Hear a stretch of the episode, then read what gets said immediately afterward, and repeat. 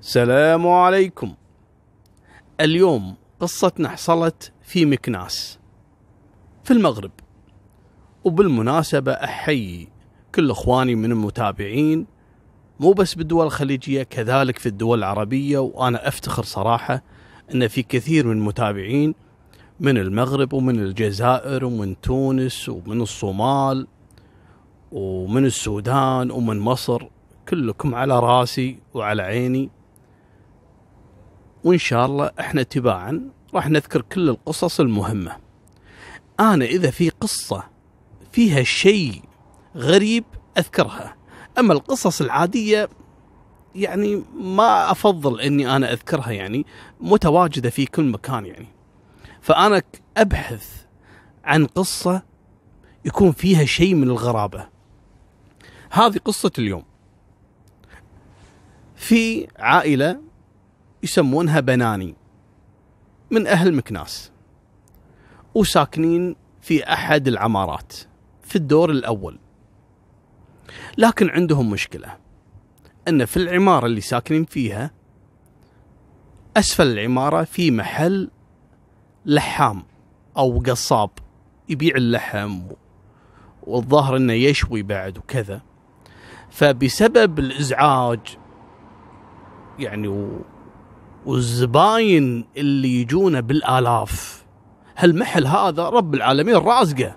فاتح عليه الناس تترك المحلات كلها اللي في مكناس ويروحون للمحل هذا. هذا محل حق إخوان اثنين يسمونهم البعامي البعامي هذول كذلك ساكنين في نفس العمارة في الدور الثاني فوق عائلة بناني. والمحل ما شاء الله يدر عليهم أرباح خيالية. الناس كلها ما تشتري لحم إلا من هالمحل. وبسبب الضغط على هالمحل وصاير إزعاج ودخان المحل لما يشوي وهو يبيع لحم ويشوي لك لحم كذلك. فتضرروا العائلة عائلة البناني. فكانوا رافعين قضية إنه علشان يرفعون الضرر عن نفسهم. إن هالمحل هذا قاعد يسبب لهم إزعاج. ما في مصافط يعني للسيارات أسفل العمارة. ما في آه لحظة يرتاحون فيها من الإزعاج السيارات والناس والزباين وخصوصا الدخان. يعني ما يقدرون يفتحون البلكونة أو يفتحون الشباك إلا تدخل عليهم هالدخان هذا من الشوي. طبعا هالموضوع هذا يسبب مشكلة كبيرة حق البوعامل الشباب الاثنين اللي يترزقون الله. المحل موقع مميز ومعروف وصار له سنوات وارثينه من أبوهم. فشلون يعني يوقفون المحل علشان والله سكان العمارة مش موافقين؟ المهم عائلة بناني رافعين قضية وشكاوي ومن محكمة لمحكمة وكذا. لكن البعامي كانوا خايفين على مصدر رزقهم لدرجة أن قاموا يستخدمون أي أسلوب بحيث أن ما يكسبون عائلة بناني القضية. رشوة مو رشوة بالقانون المهم أن المحل هذا ما يتسكر. وترى هذه مشكلة فعلا. في محلات مرات يكون محل صغير لكن سبحان الله مرزوق. العالم تجيه من كل صوب. يسبب أذى حق الجيران والسكان. لكن لو واحد يحط نفسه مكان هالشباب الاثنين ما يقدر. يعني صعب ان مثلا محل ينجح بهالشكل هذا. فلما يسكره مثلا ويفتح في مكان آخر راح يفقد كثير من الزباين. فالموضوع فيه وجهة نظر. المهم مالكم بالطويلة هم يقاتلون علشان فقط أن عائلة بناني ما تكسب القضية ويتم إغلاق المحل. وفعلا قدروا خلال سنوات والقضية كلها تؤجل يتم رفض القضية من هالكلام هذا. وتجي سنة من السنوات وتزوج بنت اسمها ماريا من عائلة بناني محامي، محامي شاطر. بعد ما تزوجوا اتفقوا ان يسكنون في نفس العمارة. في شقة عائلة عائلة بناني اشتراها منهم نسيبهم المحامي. الحين النسيب محامي وشغلته كلها في المحاكم. يعني ما عنده مشكلة يتابع القضية ويراكض وراهم تأذى كذلك من المحل. ومحامي عنده علاقات وعنده كذا. المهم قام يرفع القضايا ويثبت الضرر اللي قاعد يحصل عليه وجابوا له لجنة اقتصادية وقصة. فحسوا عائلة البعامي إنه خلاص الظاهر المحامي هذا راح يكسب القضية وراح يقطع رزقهم. متضايقين ويفكرون شلون الطريقة إنه يحلون هالمشكلة هذه. فسولف واحد من الإخوان هذول الشراكة اللي في المحل حق مهاجر يقيم في المغرب بصفة غير قانونية من المهاجرين هذول اللي داخلين بطريقه غير مشروعة يسمونهم. فقال له القصة يعني. قال له أنا عندي مشكلة في موضوع المحل والمحامي هذا رافع علينا قضية وشكله خلاص راح يكسب القضية هذه. طبعا المهاجر هذا كانت له نية ثانية. هو يبي يستغل الشباب البعامي يبي يستغلهم علشان ياخذ منهم فلوس. فقال لهم أنا عندي واسطات وأنا عندي علاقات وأنا راح أخرب عليهم القضية بس أعطوني فلوس. وفعلا قاموا يعطونه كل فترة وفترة يعطونه. ها إيش صار؟ يقول لهم انتظروا خلاص راح يخسرون القضية وأنا سويت وأنا رتبت. طبعا كله غير صحيح. لكن لما حسوا إنه لا كل جلسة يتم تأييد الحكم لصالح المحامي. ضد أصحاب المحل البعامي ازعلوا مسكوا المهاجر يوم من الأيام وقالوا له أنت قاعد تضحك علينا وأنت قاعد تستغلنا وكذا وإحنا أعطيناك فلوس. تشوف لنا حل حبيبي. ولا بنطلع الفلوس من عيونك قال من زين أنا عندي لكم فكرة. قالوا شنو؟ قال قبل لا تحصل الجلسة الأخيرة بالمحكمة ليش ما تخلونا نقتل المحامي وزوجته؟ استغربوا. شلون؟ نقتلهم وخلاص وما راح يحضر الجلسة الأخيرة وتأجل وممكن خلاص تخسر القضية. قالوا بس قتل يعني شو؟ قال لهم أنا راح أرتب لكم الموضوع بالكامل لكن أبي بعد مساعدة. أنتم يا الأخوان وتجيب لكم بعد واحد يرتب ويانا. قالوا له في واحد إحنا نطالبه فلوس. هذا أحد عناصر الوقاية المدنية موظف حكومي. شنو قصته مع البوعامي هذول يطالبونه مليون سنتيم. عملتهم طبعا في المغرب يسمونها سنتيم. المهم يطالبونه تشيكات متسلف منهم. فكلموه قالوا له تعال. لأنه أصلا كان يساعدهم في هالموضوع هذا.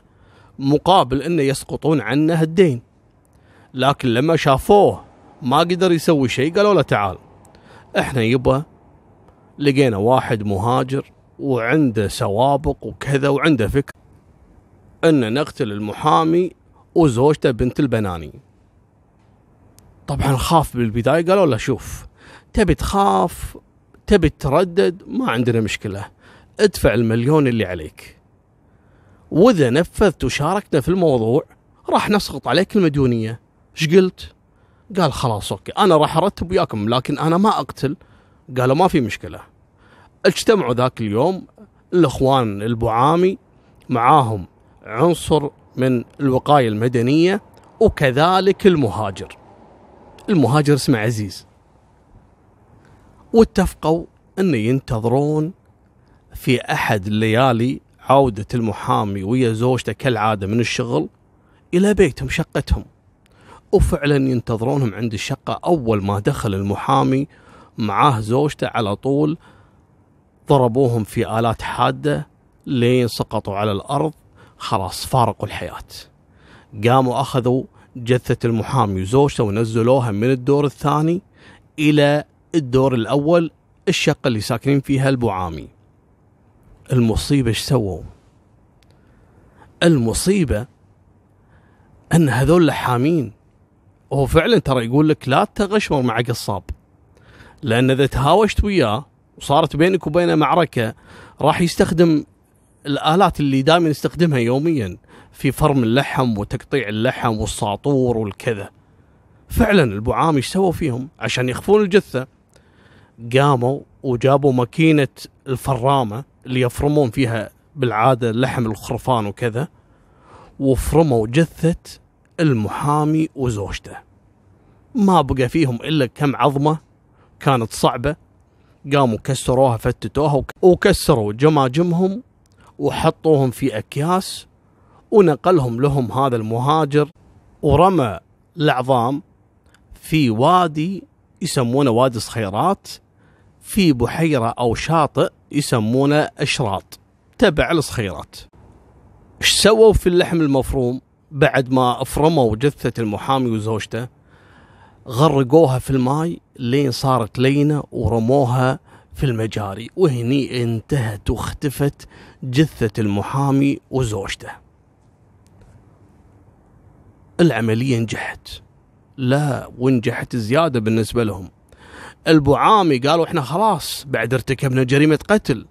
قاموا دخلوا على شقة المحامي وزوجته وسرقوا كل الذهب والمجوهرات والفلوس وكان حاط فيه سلاح فضوا له الشقة وقفلوها ومسحوا كل الآثار وطاروا بالمسروقات.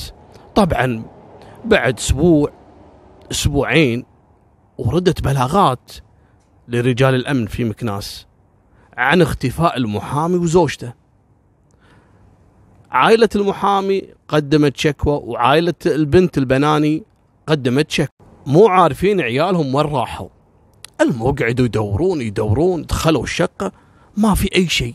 لكن استغربوا أن الشقة كأن فيها شيء مفقود على كلام أهاليهم.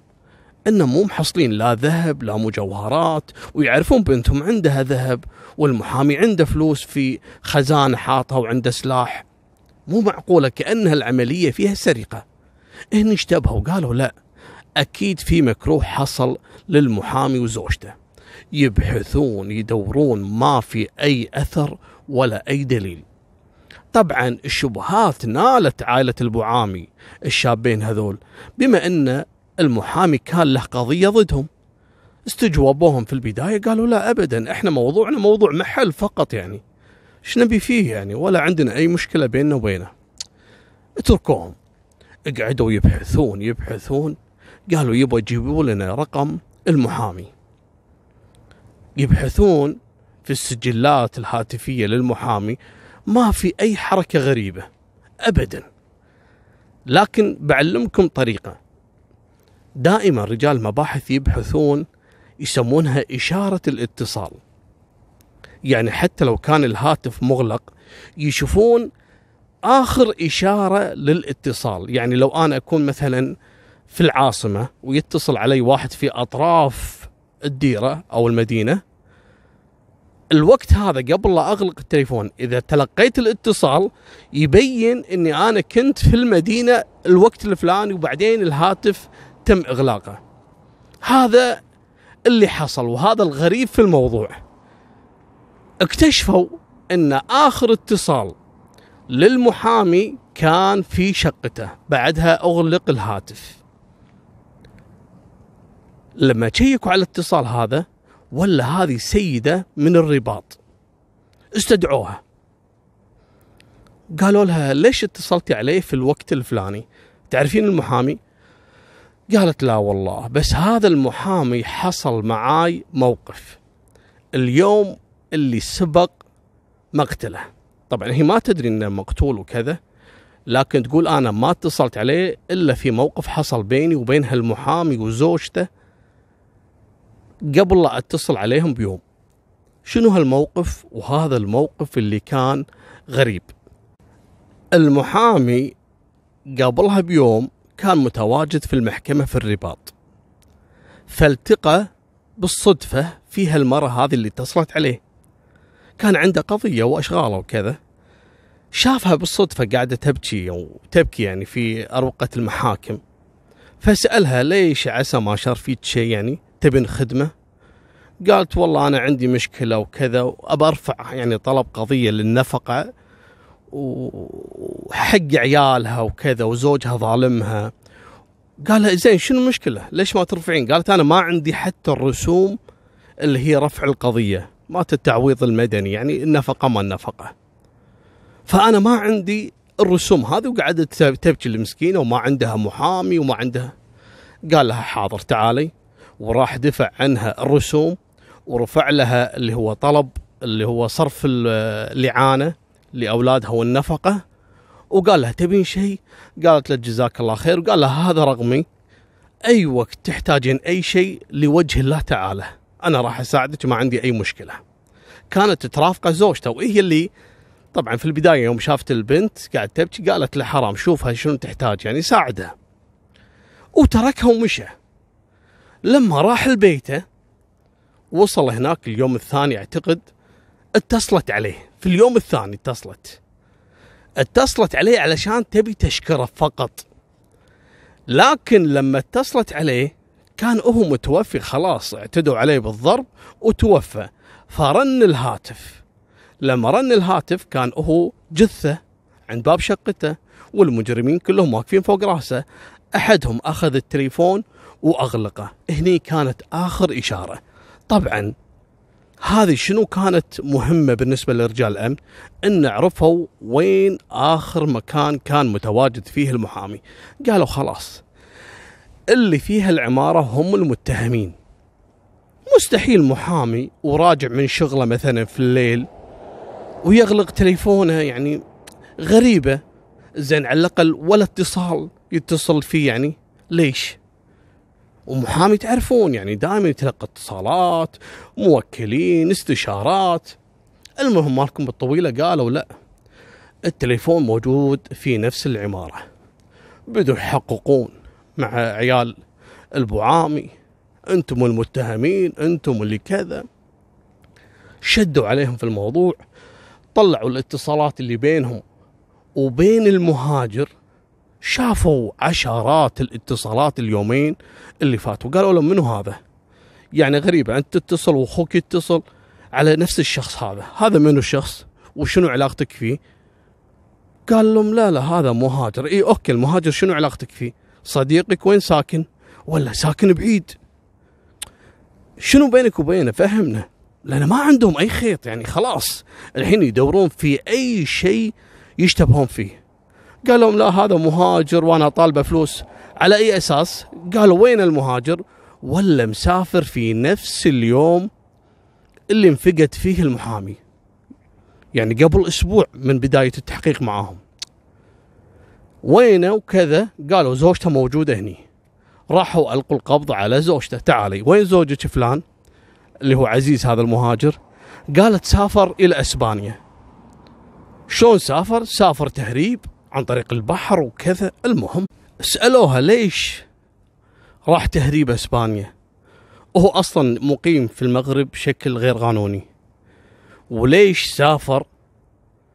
يعني فجأة شنو عنده؟ ليش طبعا زوجة المهاجر تبكت وبين عليها التوتر أخضعوا بيتها للفحص لقوا عندها بعض القطع من المجوهرات والذهب وكذا.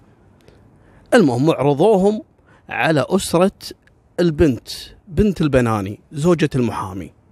تعرفت عليها أمها وأبوها قالوا صح هذا ذهبها وهذا مجوهراتها. يوم ضغطوا على زوجة المهاجر هني انهارت واعترفت كل شيء. قالت يبا زوجي مشترك في جريمة لكن أنا ما أعرف تفاصيلها واللي عرف تفاصيلها واللي ورط فيها الأشقاء الاثنين عيال البعامي.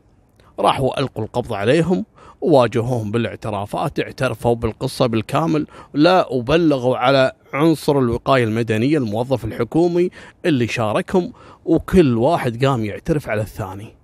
وين الجثة الحين؟ قالوا الجثة عاد سلموا عليها. وين؟ قال والله فرمناها وقطيناها تكرمون في المجاري لكن المهاجر أخذ العظام بعض العظام بعد ما فتتهم مع الرأس ورماهم في شاطئ اللي هو الشاطر تبع منطقة صخيرات. راحوا مشطوا البحر هناك ما لقوا شيء. المهم بعد ما اعترفوا في الموضوع واعثروا على بعض المجوهرات اللي قامت زوجة المهاجر في بيعها لأنها كانت تشتغل على بيع المجوهرات من يوم هناك قاموا صيدوا كل الحريم اللي شروا البضاعة المسروقة وتم إحالتهم بالكامل للمحاكمة. القصة هذه حصلت في 2006 2010 تم الحكم بالإعدام على الشابين البعامي بعد ما تم القاء القبض على المهاجر في إسبانيا وسلموه للمغرب وحكموا عليه كذلك في الإعدام مع الأشقاء. أما عنصر الوقاية المدنية أخذ مؤبد لأن رتب لهم موضوع الجريمة لكن ما اشترك فيها يعني ما هو اللي قتل. أما زوجة المهاجر تم الحكم عليها في 15 سنة وباقي الحريم كلهم تم الحكم عليهم على سنة وسنتين مع وقف التنفيذ ودفع الغرامات وهني انتهت قصة مقتل المحامي وزوجته بنت البناني بسبب محل اللحام. وهذه كانت نهاية سالفتنا وفمان الله مع السلامة.